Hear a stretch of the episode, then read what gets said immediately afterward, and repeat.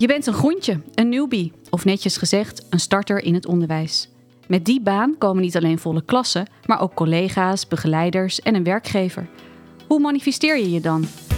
Als een buigzame nieuwkomer die zich makkelijk aanpast, of als een frisse kracht met eigen ideeën en een mening? En word je goed begeleid door de school, of koester je je vrijheid en kies je gewoon je eigen pad? Daarover vandaag in mijn eerste jaar voor de klas.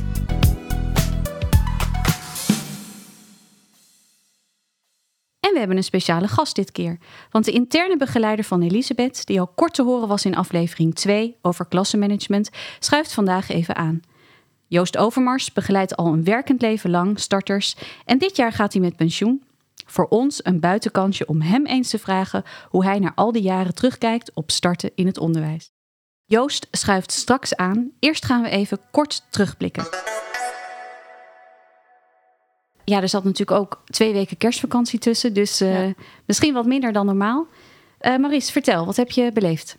Um, ja, los van die uh, heerlijke vakantie. Oh, het was fijn hè? Ja, er stond natuurlijk voor de vakantie nog het kerstdiner op programma. En um, ja, dat is natuurlijk ook meteen de echte jaarafsluiting. Dus het jaar. En een traditie in onderwijsland, denk ik, hè? Het kerstdiner met je leerlingen. Het was wel een ding, ja. En uh, nou, ik heb uh, het geluk dat mijn uh, lieve mentorklas een zorg- en welzijn profiel heeft. dus die vinden het ook heel tof om dan na te denken over ja, wat we dan kunnen gaan eten. Uiteindelijk hebben we wel eten gehaald. En, oh, niks culinairs gemaakt. Nou ja, kijk, aan de andere kant, ze staan ook heel vaak in de keuken bij ons op school. Um, dus ja, ik had nu zoiets toch van, ja, weet je, we gaan met z'n allen gewoon wat lekkers halen. En um, ja, toch een beetje op voorhand nog die twijfel, want het is uh, weer op school. En uh, dat je denkt, ja, zijn ze elkaar niet uh, na al die dagen en uren eigenlijk niet gewoon een beetje zat? Maar ja, het, het eten was, was goed. En daarna ja, kwam eigenlijk de voorstel om ook ja, karaoke op te starten. En als er dan eenmaal eentje begint, dan, uh, dan zie je het, toch dat uh, het hek van de dam is. Teken van goede sfeer, toch? Ja, als je zeker. met elkaar karaoke gaat zingen. Ja. En heb jij ook gezongen? Uh, ja, maar volgens mij heeft niemand me gezien of gehoord. Dus ik stond mooi achterin. en welk nummer ging je voor? Dat was volgens mij Natasha Benningfield met klassiekertje. These Words. Nou I don't know welke het is, maar ja. wel een klassiekertje. Leuk. Elisabeth? Ja, ik had uh, een ouderavond vorige week over uh, de uitwisseling naar Barcelona. Want we nemen natuurlijk 25 leerlingen van 4 VWO mee naar buitenland. En ik denk dat ouders dat altijd wel een fijn idee vinden wat er gaat gebeuren. En uh, ook wie de begeleiders zijn die er meegaan. En ook wel dat er een, een kind uit Barcelona bij hun in huis komt. Dus het was wel belangrijk dat we hun even heel veel informatie gaven. En ja, dat was ook de eerste keer dat ik op het podium stond bij ons in de aula met een microfoon in mijn hand. Dus toen dacht ik even, oh, oké. Okay. En ook voor, voor 25 paar ouders, zeg maar. Dat is ook ja. wel anders dan voor leerlingen. En op een gegeven moment, ja, zijn wat ouders aan het praten. En dan denk ik, ik zeg dan tegen, moet ik dan tegen die ouders zeggen, e even stil, hè? En dan denk ik, ja, dat, het is zo mijn taak om uh, orde te houden over kinderen en niet per se over ouders. Dus dat vond ik wel een, een grappige gewaarwording, dat ik daar niet eens dan over na ging denken. En heb je ingegrepen? Uh, uh, nee, volgens mij heb ik het een beetje laten gaan. En wel toen er drie meisjes aan het kletsen waren, zat ik al zo... meiden, dit gaat ook over jullie, hè? En zo, oh ja, oh ja, ja.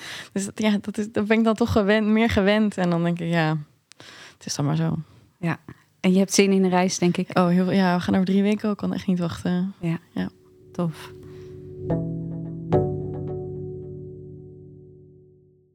Goed, dan gaan we nu meteen naar het thema van deze aflevering. Hoe beweeg je je te midden van collega's, secties en schoolleiding?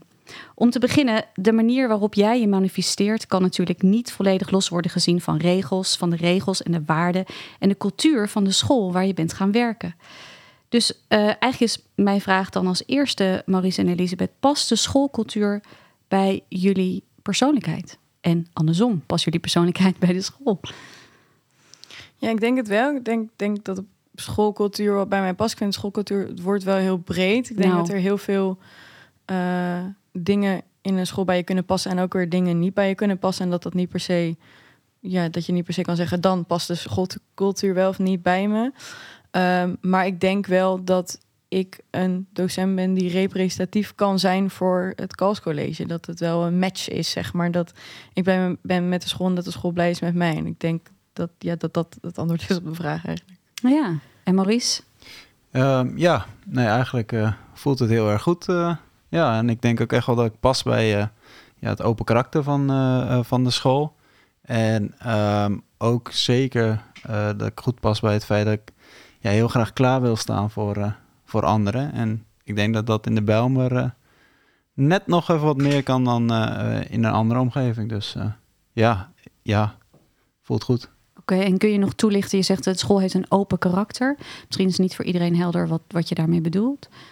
Uh, nou, heel eerlijk, als je alleen al kijkt naar onze docentenkamers, die hebben we eigenlijk niet. Mhm. Ehm, ja, het is eh, eh, eigenlijk een, een docententafel in de gang. Nou, nu klinkt het eh, een beetje treurig misschien, maar ik denk wel dat dat zeg maar de open sfeer, nou ja, goed, nou ja, eigenlijk een beeld geeft van de open sfeer bij ons op school.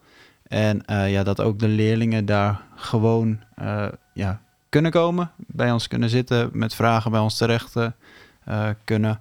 En ehm, ja, ook als ik gewoon kijk naar de mix bij ons op school aan collega's, ja, dan is dat ook een hele mooie afspiegeling van nou het open karakter. En als je aan regels denkt, Elisabeth, je hebt het eerder gehad over die, daar is weer die afschuwelijke telefoon in de klasse. Ja. Ja, we hebben eh, dit jaar eigenlijk een, een, een nieuwe schoolregel dat we veel strenger zijn op de telefoons. Eh, bleek dat vorig jaar de regel was dat als er een telefoon werd gezien door een docent, dat de docent dan vroeg: wil je mee in je tas doen? En als een leerling dat weigerde of het daarna nog een keer pakte, dat je dan de telefoon innam. En nu sinds dit jaar zijn we daar veel strenger op. En in het begin, voordat ik begon met lesgeven op deze school, was ik daar een beetje bang voor, want ik had in mijn stage gewoon echt veel strijd over, eh, over telefoons. Maar ik ben het eigenlijk gelijk gaan doen zoals de nieuwe schoolregel is. En ik ben er zo blij mee en ik sta er zo erg achter. Want eh, ik heb eigenlijk amper nog last van telefoons in de klas. En voor de leerlingen is het ook heel duidelijk. Ik heb eigenlijk amper discussie. Eh, ik zie een telefoon, ik neem hem in en ik stuur een mailtje. Ja, ze kunnen hoog en laag springen wat ze willen. Maar dat gaat niet anders zijn dan dat. En dat weten ze bij mij. Dus daar, eh, daar voel ik me echt super comfortabel mee. Maar er zijn ook wel regels waar ik merk dat ik het dan minder belangrijk vind. En daardoor ook merk dat ik het minder, ja, minder makkelijk kan naleven. Dat ik daar veel meer moeite mee heb. Ehm, ik heb bijvoorbeeld minder, ben minder streng op jassen aan. Of jassen mee in de klas. Of eh kauwgom. Merk ik dat het, maakt me gewoon niet zoveel uit. Of zo. Maar een lolly vind ik dan wel weer vervelend. Soms vind ik ook dingen wel of niet vervelend. En dan weet ik eigenlijk niet zo goed waarom ik dat vind. Dat is ook heel verwarrend. Ik vind capuchons, ben ik niet blij mee. Dus dat zijn, ja... Je hebt altijd je eigen regels ook weer. Ja, de eigen accenten die je legt. Maar de schoolregel is dus kauwgom uit, jassen uit. Ja, de jassen wel, kauwgom weet ik eigenlijk niet. Geen idee. Vast. Vast een schoolregel. Eh Rickert, is het belangrijk dat je goed past bij de cultuur van de school? Of kun je er langs opereren en het eigenlijk meer op je eigen manier doen? Ja, nou, ik hoor net eh, het woord eh, duizendpoot vallen. Vind ik best wel een mooie. Ik zou ook een beetje denken aan een chameleon. Ja, voor die mensen is het misschien makkelijker om je snel aan te passen aan een nieuwe cultuur. Aan de andere kant denk ik wel dat het soms onderschat wordt bij een keuze voor een school hoe belangrijk het kan zijn voor je. Hey, ik moet even denken aan dat ik mijn eerste stageschool in ging. Dat was een christelijke school. Ik ben zelf niet religieus. En moest ik gaan voorlezen uit de Zoutkorrel. Misschien, ik weet niet of het nog bestaat hem überhaupt. nog, ja. ja nou, bij- bijbelse verhalen. Ehm, wat ik overigens een hele mooie start van de dag vind. Want het heeft iets collectiefs. En Ja. het, heeft, eh, een, het trekt de aandacht. En een Dus, soort eh, mindfulness moment. Ja, eh. en een soort mindfulness moment. Alleen ik ben zelf niet religieus. En eh, dan vind ik het lastiger om zo'n verhaal te vertellen. Ehm, ik heb overigens wel de vorm aangehouden. Ik begin bijvoorbeeld, ik geef ook aardrijkskunde. Ik geef eh, bijvoorbeeld, eh laat ze beginnen met een, een actualiteit, eh, nieuwsbericht, een aardrijkskundig nieuwsbericht. Dus dan pas je het een beetje aan aan de cultuur waar je zelf meer bij past en waar ik nu werk. Ehm, maar ik denk dat je er wel goed over moet nadenken of je dezelfde normen en waarden eh, steunt als de school eigenlijk. Ja. Ja. En dat Ja. hoeft dan niet 100% overeen te komen, maar wel grotendeels zeg je. Ja, ik denk dat het wel makkelijker maakt. Ja, Ja. ja. zeker weten.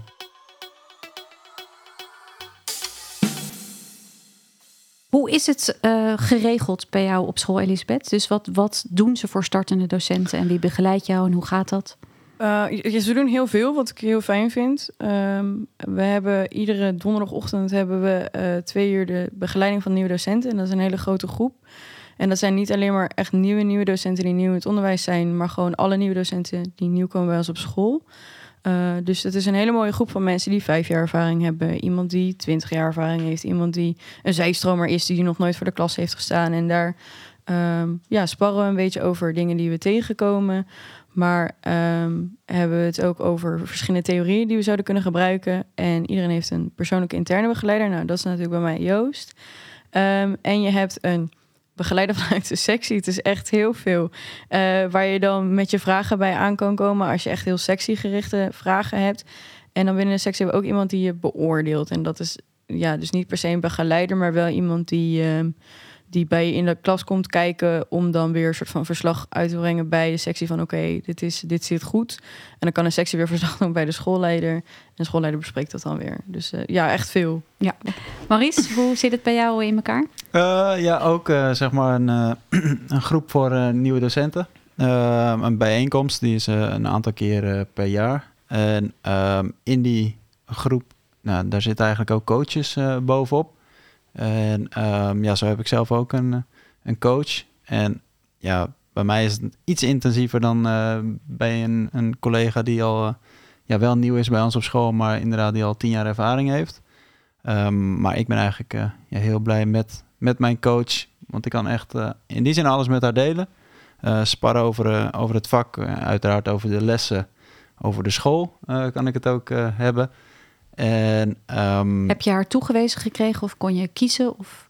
Nee, ik heb haar wel toegewezen gekregen. Mm -hmm. uh, en dat heeft er eigenlijk mee te maken dat zij uh, nou, al heel lang nou, in het vak zit. En volgens mij ook al uh, drie keer met pensioen zou gaan, zeg maar. maar ze is gelukkig nog steeds actief bij ons op school. En ja, dat zorgt wel voor een hele, hele fijne match ook meteen.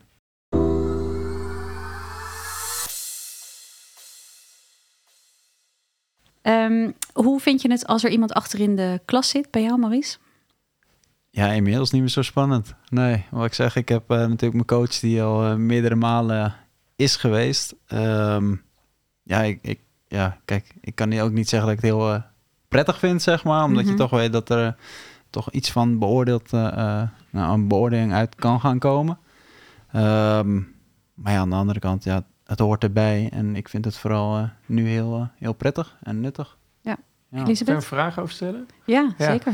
Ik, um, wat je zegt dat er een beoordeling kan uitkomen, ligt aan of een coach is, neem ik aan. Als het een, bij ons maken we echt een verschil tussen wie beoordeelt en wie zeg maar ondersteunt of coacht.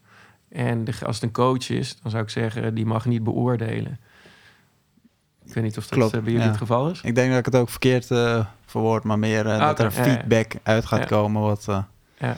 Nee, omdat die fout wordt fout. In ieder geval, ik vind het niet helemaal correct. op sommige scholen gebeurt dat denk ik wel. Hè, dat begeleiders en coaches uiteindelijk in het beoordelingstraject worden meegenomen. En ik weet niet of dat helemaal zuiver is. Oh, ja, zo. Ja. Ja. jij bedoelt dat een schoolleider dan toch informatie gaat ophalen bij die coach. Van hoe vind je dat hij of zij het doet? Ja, we hebben de afspraak dat dat niet gebeurt. We geven alleen maar aan of iemand begeleidbaar is of niet. We gaan niet op de inhoud in. Precies, ja. Want dat maakt het diffuus en ja. ingewikkelder. Ja, dat is bij ons ook zo trouwens. Ja, daar doen ze zelf hun observaties voor. Mm -hmm. en, en vanuit de sectie bijvoorbeeld, zoals het bij jullie gaat. En heb je van de coach al een aantal keer gerichte feedback gekregen waar je echt iets mee kon? Uh, ja, zeker. Ja. Kijk, um, ik heb namelijk heel snel uh, de neiging, als ik de instructie heb gegeven en ze gaan aan het werk, om dan direct uh, rond te gaan lopen in de klas en bij te sturen waar nodig. En ja, dan krijg je natuurlijk de feedback van, joh, nou ja, ga eerst eens vijf minuten kijken wat er gaat gebeuren. Laat ze aan de gang gaan. Laat ze het samen oplossen voordat jij het meteen allemaal weer gaat voorkouwen. Um, ja, zulke kleine kleine dingetjes, maar wel... Die grote verschillen kunnen maken. Die hele grote verschillen kunnen maken, ja. ja. ja. Elisabeth, hoe vind jij het als er iemand achterin zit? En is het voor jou verschillend of dat een coach is of een beoordelaar? Um, ik vind het nu eigenlijk niet heel erg meer als iemand bij mij achter in de klas zit. Um, ik, ik ben toen in Portugal, zat er eigenlijk altijd iemand bij, omdat uh, dat qua verzekering was dat uh, een dingetje. Ik mocht niet alleen met die klas zijn, want als er dan wat gebeurde, dan was ik niet verzekerd, omdat ik dus uh, stagiair was en niet werd betaald. Ik stond helemaal ook niet in die systemen en zo. Um, dus er was er eigenlijk altijd iemand bij. En op een gegeven moment, als er zo vaak iemand in je les zit, vijf keer per week, ja, dan merk je het op een gegeven moment echt niet meer. En dan eh, is het bijna gek als er iemand niet bij zit. Dus eh, nee, ik vond het eigenlijk niet spannend. Ehm, en ja, of er verschil is tussen beoordeling of begeleiding. Ja, Joost heeft een keer bij mij in de les gekeken, maar dat was dan meer omdat ik al moeite had met een klas en daar dan echt heel concrete tips over wilde. Dus dan wil je eigenlijk dat het fout gaat, zodat je daar dan tips over krijgt. Van wat kan ik hier nou mee? Op het moment dat iemand komt om je te beoordelen, dan hoop je dat die les heel goed gaat en dat je een goede indruk hebt achtergelaten. Dus het, je zit er zelf ook met een andere insteek in, denk ik. Uiteraard. Ik ga deze vraag nu ook aan Rickert stellen. Want ik denk dat het ook interessant is dat starters op, de, op, op een gegeven moment ook heel erg gewend zijn. Hè, dat er, er zit of een beoordelaar of een coach. Of je doet vanuit collegiale consultatie, kijk je bij elkaar. Maar iemand die al langer voor de klas staat, en dan heb ik het ook over mezelf. Als er dan weer eens iemand langskomt, is het best wel spannend, vind je niet? Uh, ja, nou ja we, we, hebben, nou ja, eh, Marie zijn een, open school, hè, het OSB, dat zijn wij ook op die periode. We hebben werken met leerpleinen. Uh, dus eigenlijk wordt er al heel veel. Uh, eigenlijk constant is er verkeer, zeg maar, door je lokaal heen. Dus wij observeren elkaar onbewust en bewust heel veel. En we geven heel vaak met elkaar les. Dus bij ons valt dat eigenlijk nog wel mee. En is het wel al gewenning. Maar ja, volgens mij hebben we het al eerder benoemd. Volgens mij moeten we dat als docenten gewoon heel veel doen en veel meer doen. want ik denk dat we echt altijd van elkaar kunnen leren. En het maakt echt niet uit of een beginner, of laten we even senior, junior noemen. Ehm, ze kunnen allebei evenveel bijna van elkaar leren. Ik leer van mijn stagiairs en van starters echt heel veel altijd. Dus ik vind het heel prettig om daarmee uh, les te geven. Ja. Vind jij het spannend, uh, Tinka? Nou, ik vind het wel spannend, ja, zeker. Omdat uh, het, het, is denk ik inderdaad hoe je school is ingericht... wat betreft leerpleinen of op wat voor manier je onderwijs aanbiedt. Maar ook nog het gebouw zelf. Ehm, wij zitten echt in een heel oud gebouw... met gewoon weinig glas en weinig raam wel naar de tuinkant toe, maar niet naar de gangkant toe. Dus er is een deur met een heel klein kijkruitje waar je best wel lang voor moet zijn om daar doorheen te kijken. Dus je ziet eigenlijk heel weinig van wat er gebeurt in de lokalen. Dus dat vergroot zeg maar het gevoel dat je, je doet je deur dicht en dan is het mijn klas, dat zijn mijn leerlingen en dan ga ik mijn ding doen. Dus als er iemand door die deur komt, dan is dat voor mij altijd wel echt van, oh, iemand betreedt mijn, heiligdom. Iemand betreedt mijn klaslokaal. Dus dat is, ik vind dat echt een ding, ja. En uh, ik vind het wel leuk om te merken dat je vaak, als er dan iemand komt kijken, dat je wel weer net even dat trapje erbovenop doet, waardoor je weer extra scherp bent of uh, juist een super goede les geeft. Uh, maar Rickert, ja. yes. Want als het gaat om begeleiden en, en de ontwikkeling van jonge docenten, jij hebt echt wel een duidelijke visie hoe je vindt dat het per se wel gebeuren moet of wat juist ja, vermeden ja. moet worden. Vertel. Nou ja, ik vind, ik ben heel blij om te horen wat hier gebeurt. Mooi. dat, dat ja. is mijn visie. Nou, nee, nee, nee ja, zo grappig. Ja, want um, ik moet altijd denken er zijn, aan, aan, een paar van die voorbeelden. Ik heb een keer een collega kwam ons binnen, die had net, die ging tegelijkertijd bij een andere school werken en die werd daar onthaald met uh, zes klassen huiswerk of uh, nakijkwerk. Ja, we horen net hier over een warm onthaal, een hele mooie voorbeelden en hoe dat dan gaat. De verschillen zijn gewoon heel groot, denk ik ja, ik vind een warm onthaal. Hey, kan ook met bloemen ontvangen worden en veel succes gewenst worden. En dat er meteen al mensen voor je klaar zijn. Dat je weet waar je je vragen kwijt kan. Ja, dat staat dus tegenover dat sommige scholen echt toch best wel dramatisch is, vind ik. Um, Daarnaast, hè, en dat horen je ook, een soort een, een, best wel duidelijk een inductieprogramma, zoals dat wordt genoemd. Hè. Dus dat is intervisie, dat is begeleiding, dat is individuele begeleiding, dat is samenkomen. Ja, en ik denk ervaringen dat delen. Ervaringen delen, dat is gewoon voor starters super belangrijk. Naast ook informele momenten, hè, waar je mensen leert kennen, hè, je nieuwe collega's en uh, starters met jou. En dat kan, uh, we hebben het vorige keer volgens mij ook gehad, ook in de kroeg zijn met alcohol erbij. Volgens mij is dat hartstikke gezond en heel goed om te doen. Hè? Uh, dus uh, nee, ja, dat, dat, ik denk dat dat wel echt heel belangrijk is. En um, ja, oh, ja, dat had het ook over. Um, ja, wij noemen dat de gesprekkencyclus. Dus functioneringsgesprekken. En dat moet ook wel duidelijk zijn, denk ik, voor de nieuwe, nieuwe docenten. Dus wanneer kun je een stoplicht ontvangen? Of in ieder geval duidelijkheid over hoe je ervoor staat en wat je nog moet doen om hè, eventueel dat contract binnen te halen, omdat je zo graag wil blijven. Ja. Ja, dus, Concreet en duidelijk. Ja, ik denk, ja, dan moet echt, want en, en, en daar moet je als starter denk ik heel scherp op zijn, dus ook opeisen. Eh, want het, wat ik al zei, de verschillen tussen scholen zijn soms heel groot. Hè, soms krijg je als starters niet eens je starterskorting, bij wijze van spreken. Mhm. Terwijl je gewoon 20% korting hoort te krijgen. Hè, sommige scholen bieden dat niet aan. Dus je moet het ook een beetje inlezen en zelf eh, dat initiatief nemen. Maar ik vind ook wel in eerste instantie eigenlijk dat de school daar gewoon eh, ja, je warm in moet onthalen. Ja, ja, dat hoop je toch. En vooral met zo'n tekort. Ja, je, Absoluut. bent, je doet, als, ben je niet slim bezig als school op die manier, denk ik. Nee, nee dan moet je heel lief voor je docenten zijn. Nou, en we weten Ja. natuurlijk dat de statistiek van mensen die beginnen in het onderwijs, in het voortgezet onderwijs, Ja. hè, dat die statistiek niet zo goed is dat, die, eh, dat er nog heel veel na vijf jaar nog steeds eh, blij werkzaam zijn in het voortgezet onderwijs. Wat denk ik ook een van de redenen is waarom we deze podcast maken. Hè? Om ja. duidelijk te maken dat we juist wel graag willen dat je blijft werken in het onderwijs. Omdat het een prachtbaan is en kan zijn.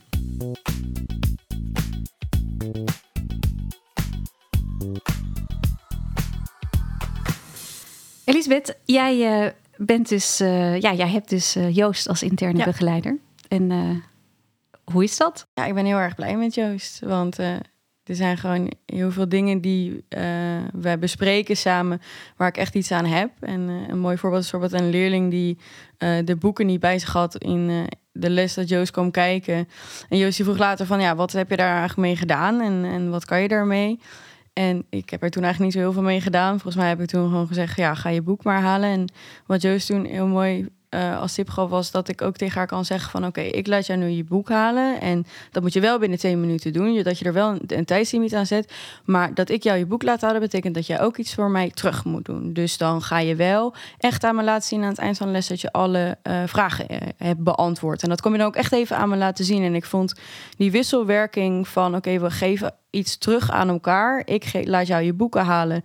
ehm, en jij eh, gaat dan die opdrachten doen. Dat vond ik gewoon een hele mooie. En ook wel iets wat ik eigenlijk gelijk ook weer kon gebruiken in mijn lessen met al mijn leerlingen. Van ik laat jou Ja. nu dit doen, maar dan moet je mij, jij dit voor mij doen. Dat was Voor wat hoort wat Ja, in oud-Nederlands. Ja, en dan wel op een hele, eh, ja, toch wel volwassen manier of zo vond ik het. Ondanks dat het een 2 HAVO-leerling was. Tweede klasleerling. Ja. Nou, dat moet leuk zijn om te horen voor Joost, want hij is hier. Ja, hallo. Hallo, Joost Overmars, 66 jaar en muziekdocent sinds 1987. En al decennia betrokken bij de begeleiding van startende docenten op het Kals College in Nieuwegein. En nog steeds dus actief als schoolopleider. Leuk dat je er bent, Joost. Ja, fijn om hier te zijn. En eh, hoe eh, vind je dat Elisabeth het doet? Dat willen we natuurlijk graag even horen. Daar heb ik natuurlijk helemaal geen oordeel over, want ik ben haar begeleider. Oh ja, daar hadden we het net heel strak over, hè? Ja, daar heb ik net van ik het gehoord. Ja. Nee, ik heb, eh, eh, ze doet het natuurlijk hartstikke goed. Ehm, als, ik in als ik haar zie lesgeven, dan heb ik ook niet een oordeel over hoe, hoe zij haar lesgeeft per definitie. Maar wel, ik vind natuurlijk wel iets van wat er gebeurt. Maar dan in de manier van, ehm, hoe zou deze interventie met de klas effectiever kunnen? Of hoe reageert de klas op Elisabeth als ze dit doet of als ze dat doet? En daar gaat het dan in het gesprek over. En in zijn algemeenheid, hoe vind jij dat de begeleiding van starters georganiseerd zou moeten zijn op een school? Eh, zoals wij het doen op het kals. ja, eh, dat er voldoende ruimte is om eh, te kunnen sparren, te kunnen delen.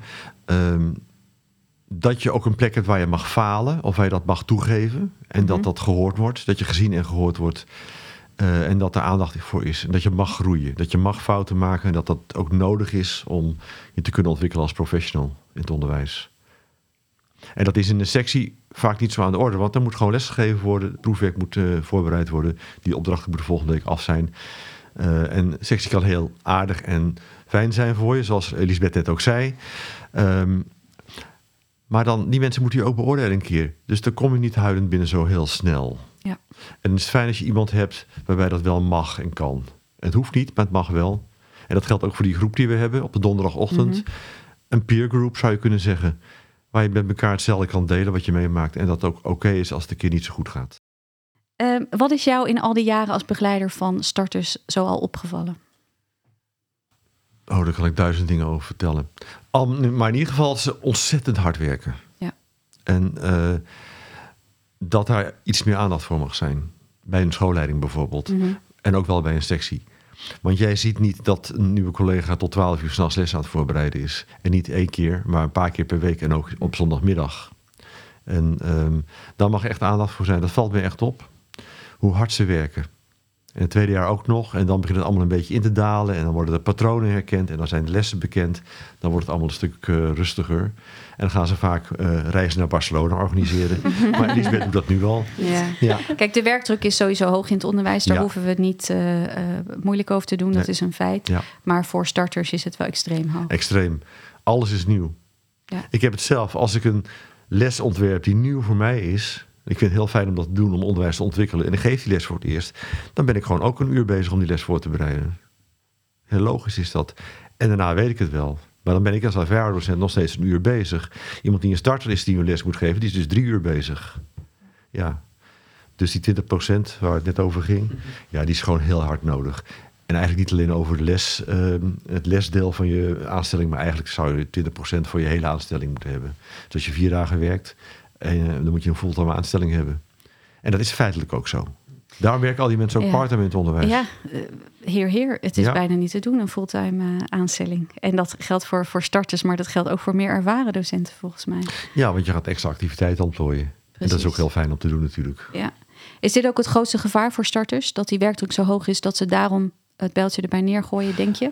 Nou, van belang is dat ze een goede balans vinden tussen het werk wat ze doen en dat ze ook nog een leven hebben. En als dat lukt, dan is dat oké. En het is natuurlijk ook wel prima om een keer een jaar keihard te werken. Als je maar weet dat er een soort van licht aan het eind van die tunnel is. Dat je ook weer een keertje een weekend gewoon helemaal niks kan doen. Precies. Ja. En Elisabeth, we weten van jou dat je wel geneigd bent hè, om te veel hooi, Ja. of in ieder geval veel hooi op je vork te nemen. Ja. Heb je het idee dat je, eh, dat je dat beter kunt managen of ben je er in ieder geval mee bezig? Ja, zeker mee bezig. En ik, ik denk ook wel dat ik me steeds eh, meer realiseer dat de investering die ik er nu in stop, dat die echt zich wel uit gaat betalen in de komende jaren. Dat als ik nu een hele mooie les neerzet, dat ik daar jarenlang blij mee kan zijn. Dus dat het me over een aantal jaren eh, tijd scheelt. Maar ik merk ook wel dat ik mezelf meer ruimte geef eh, om minder inspirerende lessen. Ja, dat, dat zijn dan misschien voor mij dan saaiere lessen om te geven. Uh, maar dat dat ook oké is. En dat ik ook gewoon een keer mag zeggen van... nou, jullie gaan even opdrachten maken uit het werkboek... in plaats van dat ik zelf allemaal bronnen op het internet vandaan probeer te plukken... en dat ik dan niet echt de perfecte bron vind... of dat ik een heel schema maak... waar ze allemaal in groepjes in relaties gaan uh, uh, werken. En dat is wel heel leuk om te geven en het is heel tof om te zien... maar het kost gewoon heel veel tijd. En ik merk dat ik daarin wel iets meer tegen mezelf kan zeggen van... het hoeft niet altijd. Het hoeft niet altijd perfect ja. of leuk of... Mag ik daarop reageren? Ja, dat zegt ook wel iets over jouw zelfreflectief vermogen. Ja. Als ik toch even dat, voor dat, uh, dat verhaal over die boeken uh, waar, waar, je ja. mee begon daar straks. Uh, haar eerste reactie was, nou dan ga ik een aantal pagina's kopiëren uit het boek. Dan kan ik het aan ze geven als een boek. Dus nee, Elisabeth nee. wil heel graag heel goed voor, hun, voor haar leerlingen zorgen. Wat natuurlijk een enorme kwaliteit is van je. Um, en wat je nu aangeeft is dat je zegt, nou ja, ik kan ook wel eens een keer een andere keuze maken. En die lessen zijn helemaal niet zo saai. Nee. Dat is misschien voor jouw gevoel van... ik heb niet mijn hele zelf erin gegooid. Maar het zijn nog steeds goede lessen. Ja, ja goed, als het goed genoeg noemt. Maurice, ben jij oké okay met lessen die goed genoeg zijn en niet perfect? Um, nou ja, daar gaan we al. Nee, ja. Ja. ja, nee, ik vind het gewoon vooral heel tof als je echt een leuke les hebt uh, gemaakt. Ja, dat geeft je gewoon zo'n kick dat je denkt, ja, weet je, dat wil ik vaker ervaren. En dan is het gat gewoon zo groot tussen, laten we zeggen, een gewone les mm -hmm. uh, ten opzichte van een les die je helemaal zelf uh, hebt ontwikkeld. Dus ja, dat, uh, dat maakt het lastig. Maar ja, net als Elisabeth vind ik dat ook moeilijk. En ben je daar ook wel echt, ben ik daar ook zoekende in om dat ook gewoon toe te laten. Dat een wat gewonere les, niet meteen saai, nee, ik niet meteen saai te noemen is, ja. maar gewoon dat die er ook mag zijn. Er waren lessen die, waar ik dan heel veel tijd in heb gestoken. Uh, daar, die heb ik ook echt zin om te geven. Want dan denk ik, oh ja, dit wordt zo'n toffe les. En die gaan we echt vette dingen doen. En dan, ja, voor dat gevoel doe je het ook een beetje. Dus daarom... Vooral als ze ja. werken, hè? Want soms Ja. heb je een hele toffe les ontwikkeld... die toch niet goed blijkt te werken. Dat kan natuurlijk ook nog.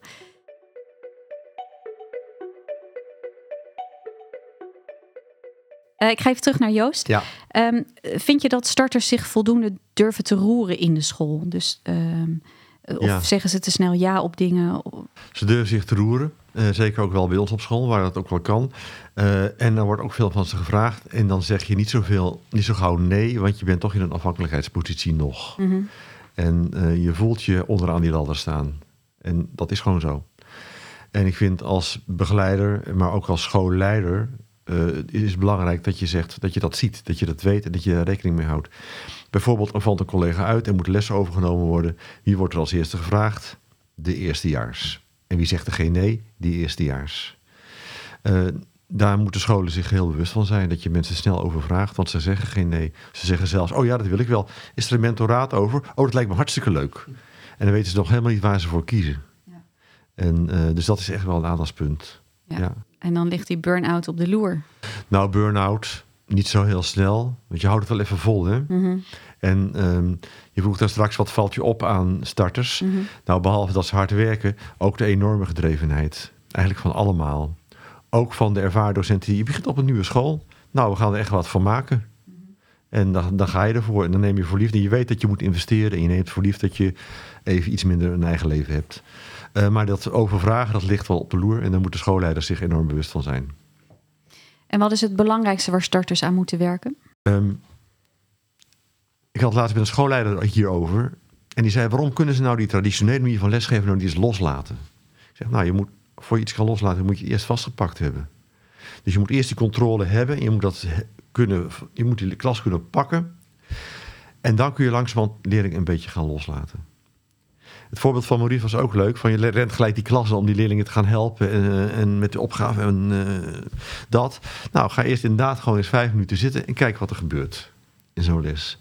En dan zie je dat die dan een heel aantal leerlingen zelfstandig prima aan de slag kunnen. En dat er ook een aantal zijn die hulp nodig hebben. En dan sta je op en dan weet je precies, ik moet naar die mensen toe, want die hebben mijn hulp het hardste nodig. Maar dan geef je ze wel even een stukje autonomie. Dat kan zijn een keuze geven, wat Elisabeth zegt, maar ook zo'n drie lessen lang een wat grotere opdracht. En je monitort wel, je checkt het proces, je kijkt of er iets geleerd wordt. Maar leerlingen kunnen wel zelf een heel aantal dingen bepalen. Hoe snel ze werken, met wie, um, welke inhoud ze precies aan hun opdracht geven.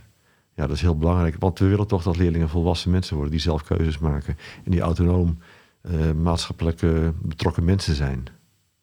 Ik neem aan dat we het daar allemaal mee eens zijn, toch? Ja. ja. En dan moet je in de, dat, dat, dat, begint, dat begint al heel snel in de ontwikkeling van, van een kleuter al. Van ik, ben, ik wil dit niet.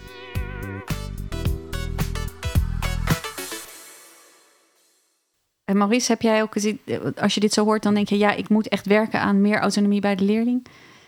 Ja, zeker. Ja, tuurlijk uh, is dat echt wel een ontwikkelpunt. Ja. En dat is dan weer dat loslaten, hè? Ja, ja, ja, ja.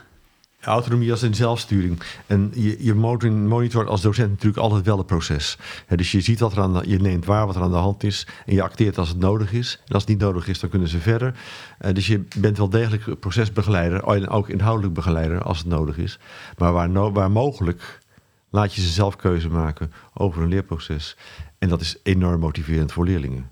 En je hoeft zelf iets minder hard te werken. Dat is ook heel prettig. Althans minder fysieke energie erin te douwen.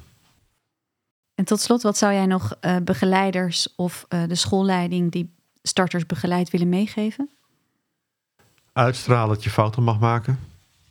Uitstralen dat je mag uh, groeien. En dat je dat op jouw manier mag doen. Mooi. Heer, heer, zeggen we. Ja. Oké, okay, Joost, hartstikke bedankt. Hopelijk kun je Elisabeth nog goed tot steun zijn de komende maanden.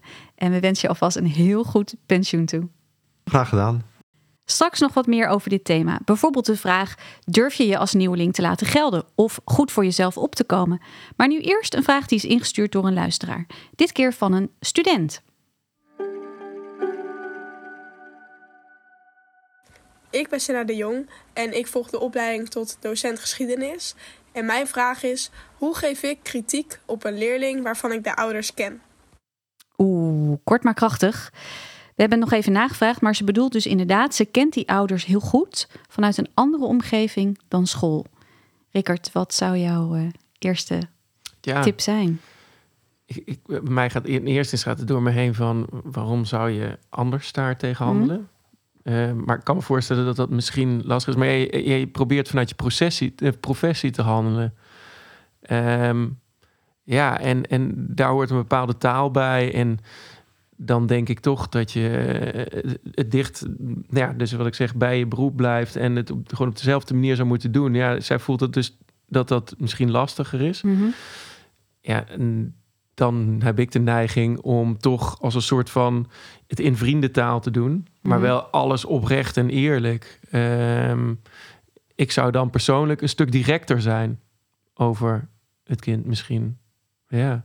Naar het kind toe of naar de ik- ouders wat toe. ik als eerste zei, ik sta wel echt, ja, gewoon echt vanuit je professie proberen te handelen. Hè, en ook echt die taal aanhouden. Ehm, ik weet niet of de situatie is op een feestje of gewoon echt in een oudergesprek. Ja, in een oudergesprek is dat sowieso natuurlijk veel makkelijker om dat, eh, om dat aan te houden. En dus ik zou het ook proberen daar te houden, op die plek. En niet ook op niet, feestje. niet op dat feestje. Ik denk dat je vroeg of laat ermee te maken krijgt. Dat je een leerling in de klas hebt waarvan je de ouders kent. Eh, misschien niet in alle gevallen, maar ik denk wel in veel gevallen. Eh heb, Rickert, heb jij een persoonlijk een voorbeeld waarvan je weet dan toen heb ik het zo en zo a- gedaan? a- a- eh, open avond. Dan komen er regelmatig vrienden langs met kinderen. En dan, dan is het altijd wel een grappig moment, ja. Omdat je elkaar vanuit een, eh, een feestje kent, inderdaad. Ja. En dan is het in één keer even van... eh, eh, dan krijg je zo'n jolige opmerking naar je toe. Maar dan schakel ik wel heel snel naar mijn, naar mijn rol als docent. En vooral als dat met andere mensen erbij is... die in, dus met andere ouders of die met kinderen komen... om jouw school te zien. Ja, en dan blijf je toch echt wel in die rol. Ik, ik heb dat wel, ja. En ik probeer het ook vast te houden.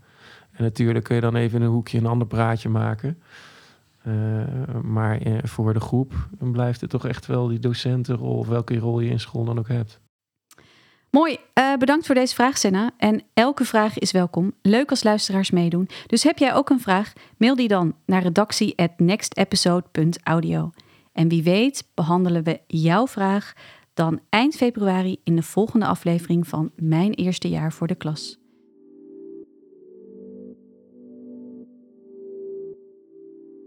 We gaan terug naar ons maandthema.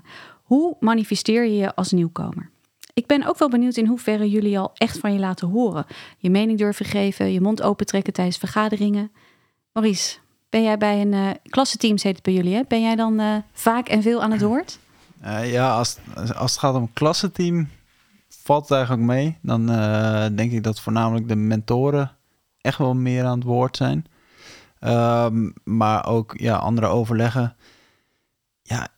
Heel eerlijk, het zit ook niet echt in mijn uh, karakter om uh, meteen uh, het woord te nemen. Um, kijk, als ik het ergens niet mee eens ben, dan zal ik het wel gaan zeggen. Maar ja, wat Joost eigenlijk net ook zei, ik denk dat ik als beginner zeker ook eerder ja ga zeggen op iets wat, wat me gevraagd gaat worden, dan dat ik een tegengeluid ga geven. Maar dat is dan ook meer omdat ik denk, ja, dan kan ik het in eerste instantie gewoon ervaren. Ook om te kijken hoe het, hoe het is en wat er nou precies van me gevraagd wordt. en dan kan ik het daarna alsnog bijvoorbeeld in een beoordelingsgesprek, functioneringsgesprek, dat ik het dan nog een keertje op ga noemen. Um, maar ja, nogmaals, nee, ik kijk eerst eigenlijk de kat uit de boom voordat ik iets ga zeggen. Ja, maar je zegt dus wel, eigenlijk zeg ik ja als er maar iets gevraagd wordt. Mm -hmm. Ook als dat een opdracht is waarvan je van tevoren denkt, oeh, dat lijkt me moeilijk, of ik weet niet zo goed hoe ik dat uit moet voeren, of ik heb het al zo druk, dan is toch je neiging om ja te zeggen. Ja, ja. En kun je uitleggen waarom? Uh, ja, ik denk dat het te maken heeft met uh, een stukje bewijsdrang.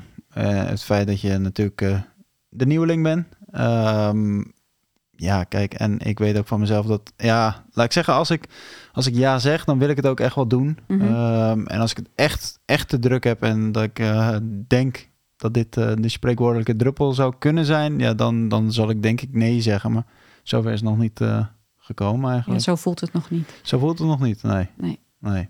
Elisabeth? Um, ben een vrij extravert persoon. Jo. Dus ik ben niet per se bang om mijn mond open te trekken en doe dat dan ook graag. Uh, dus ik had wel al vrij snel, zeker in sectievergaderingen, dat ik uh, op een gegeven moment had gevraagd: Hey, vinden jullie het oké okay als ik dit schema dat jullie vorig jaar hebben opgesteld, als ik dat even aanpas en dat dan even pitch bij jullie? En dat vinden ze dan ook allemaal helemaal prima. En, en dan zijn ze heel blij dat ik mijn visie uh, wil laten horen en dat ik echt wel bezig ben met, met wat doen we met ons onderwijs en hoe kunnen we dat verbeteren. Uh, met de nieuwe docentenbegeleiding heb ik het idee dat ik altijd wel vrij aanwezig ben en dat mensen me wel, uh, wel horen. En met leerlingbesprekingen. Ja, je, je zit daar ook om een reden om iets te vertellen over hoe jouw lessen gaan met zo'n klas. Dus ik denk dat eh, ook een mentor er alleen maar juist iets aan heeft als je er iets over zegt. En als je zegt, nou, de, de, de- deze leerling doet het zo bij mij en deze klas gaat zo bij mij. Ja, ik ben dan echt niet bang om mijn mond open te trekken en, eh, en, en er iets over te zeggen. En ik durf ook echt wel mijn mening te geven. Dat, daar ben ik niet bang voor. Nog heel even van Elisabeth horen. Want vind jij het makkelijk om nee te zeggen? Of heb jij tot nu toe eigenlijk ook ja gezegd op alles wat op je pad komt? Ik heb wel veel ja gezegd. En dat is denk ik bij mij ook gewoon heel erg enthousiasme. Mhm. Ik vind het gewoon het is zo leuk allemaal. En ik wil gewoon zo graag. En ik wil zo graag leren en alles meemaken en niks missen. Misschien ook een beetje FOMO. Dat kan.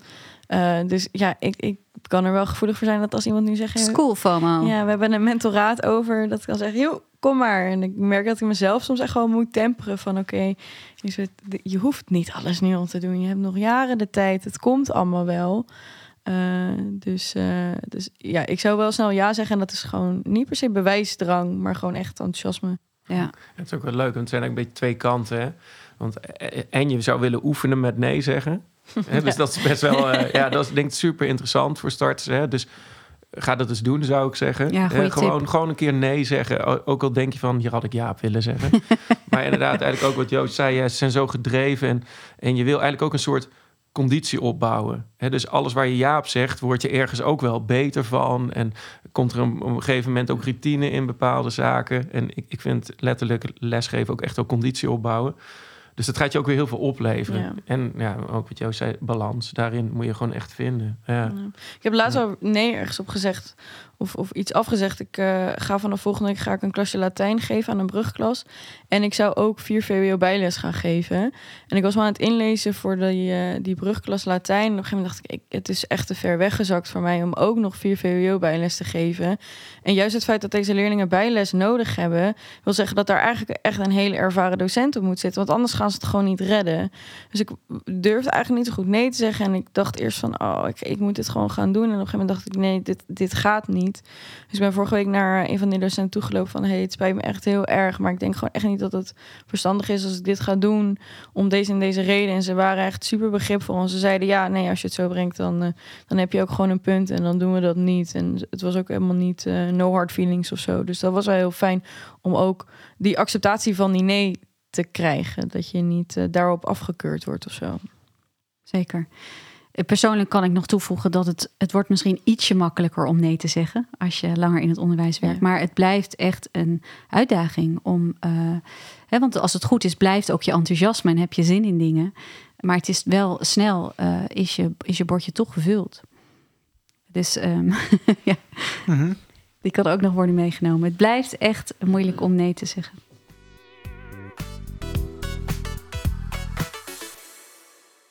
Eh, Maurice, we hebben het nu gehad een aantal keer over eh, durf je nee te zeggen of zeg je altijd ja. Maar heb je ook wel een situatie aan de hand gehad waarbij je dacht, eh, ik, ik vind hier wat van en ik vind wat anders dan wat er gedaan wordt, wat, hoe, hoe het geregeld wordt. Dus dat je het eigenlijk niet eens was met het beleid of de uitvoering daarvan. Eh, ja, zeker. Ja, ik heb... eh, ehm, ja, nu ik zeg maar mentor ben van vier basiskaderklas... ehm, is het zo dat zij ook een rekentoets nog moeten halen. En die rekentoets die is eigenlijk... Nou ja, die wordt gegeven vanaf de derde. En in de derde krijgen ze ook rekenles. Maar in de vierde vervallen die lessen... maar moeten ze nog steeds die toets gaan halen. En ehm, ja, kijk, dat is dan ook weer nieuwigheid als mentor... Maar op een gegeven moment komen leerlingen naar je toe die zeggen: Joh, meester, in ons toetsschema staat ook dat we rekenen hebben, maar we hebben helemaal geen les. Ja, dan heb ik zoiets van: daar moet wel iets aan gedaan worden. Want als je wil dat de leerlingen die toets gaan halen, ja, dan moet je ook rekenlessen blijven aanbieden, want anders wordt het. eh, Nog denk, moeilijker dan het al was. ja, dan wordt het nog moeilijker. Ja. Ja. Dus dat heb ik toen in die zin wel eh, zo besproken, ook met mijn eh, afdelingsleidster. Ja. ja, Mooi. En daar werd goed op gereageerd. zeker. Ja, ja. Mooi.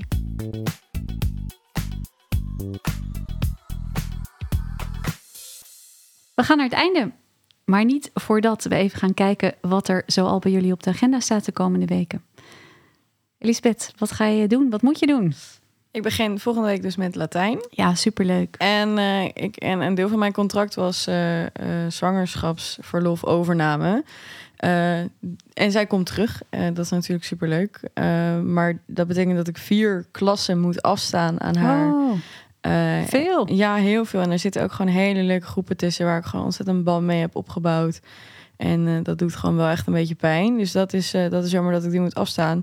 Ehm, maar dat betekent dat ik er vijf nieuwe klassen bij kreeg. En wat ik daarin dan wel weer spannend vind, is dat je eigenlijk opnieuw die band weer gaat opbouwen met die leerlingen. Dus je begint eigenlijk weer bij nul. En een aantal klassen die hebben nog helemaal geen geschiedenis gehad. Dus die hebben geen andere docent waar ze je mee ja, mee gaan vergelijken. Want dat gaan ze sowieso doen. Dus daar kan je echt eh, met het vak ook helemaal bij nul beginnen. Maar met twee klassen ehm, ne- neem ik ze over van iemand anders. Dus dan ja, hebben ze toch zoiets van... Huh, maar we hadden al een geschiedenisdocent en hij werkt hier ook nog steeds. En hoezo hebben we dan jou nou ineens? En en ja, dat is dan toch gek. Dus ik, ja, ik vind het denk ik wel een beetje spannend of zo. Dat ik dan toch weer die nieuwe klasse, een nieuwe band... Ik voorspel dat ze voor doorlopend gaan eh, benoemen wat jij anders doet Oh, ja. dan de docent die ze daarvoor hadden. Oh, ik heb er nou al zin in. Zo deed hij het helemaal niet. Precies, dus daar kan je vast even over nadenken wat je Oh, daarop nee. gaat zetten. Oh. Eh Maries, wat staat er voor jou op de agenda? Toetsweek. Eh, ja, toetsweek 2 voor de derde klasse en schoolexamens 3 voor de vierde klas. Ehm, en eh, daarnaast gaan we ook nog naar de Rode Loper. Dat is een evenement in, eh, in Amsterdam om eigenlijk eh, de leerlingen te enthousiasmeren om te gaan lezen en kennis te maken Wat met, ja, met de cultuur. Ehm, of ja, de literatuur en de cultuur, laat ik het zo zeggen. Dus dan krijgen ze eh, workshops van schrijvers, eh, waarvan we ook fragmenten uit boeken hebben gelezen. Geweldig. Ze krijgen bijvoorbeeld een eh rap workshop, spoken word, ja, van alles en nog wat. Ehm, maar dat is heel tof. Heel Ehm, leuk. En ja, we zijn ook nog bezig met sollicitatietrainingen voor de derdejaars, 3T.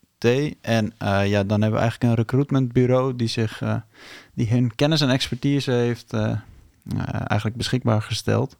En dan krijgen zij de training. En dan kunnen ze uiteindelijk ook gaan solliciteren voor een, een maatschappelijke, of nou niet maatschappelijke, een beroepsgerichte stage. Klinkt goed. Ja,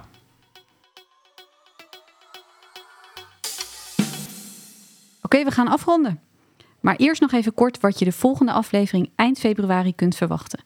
En dat is feitelijk de vraag: slaag je in je belangrijkste taak, namelijk leerlingen laten leren? Hoe zorg je ervoor dat de hele klas de stof snapt en goed mee kan komen? En dat het goede niveau behaald wordt?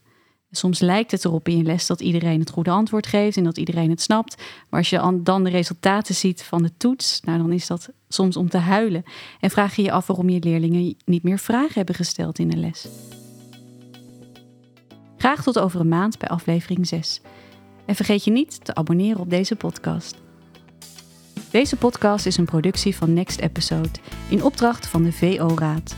Audiodesign werd verzorgd door Studio Cloak. De eindredactie was in handen van Robert Doggers. En de presentatie doe ik, Tinka Terschegget.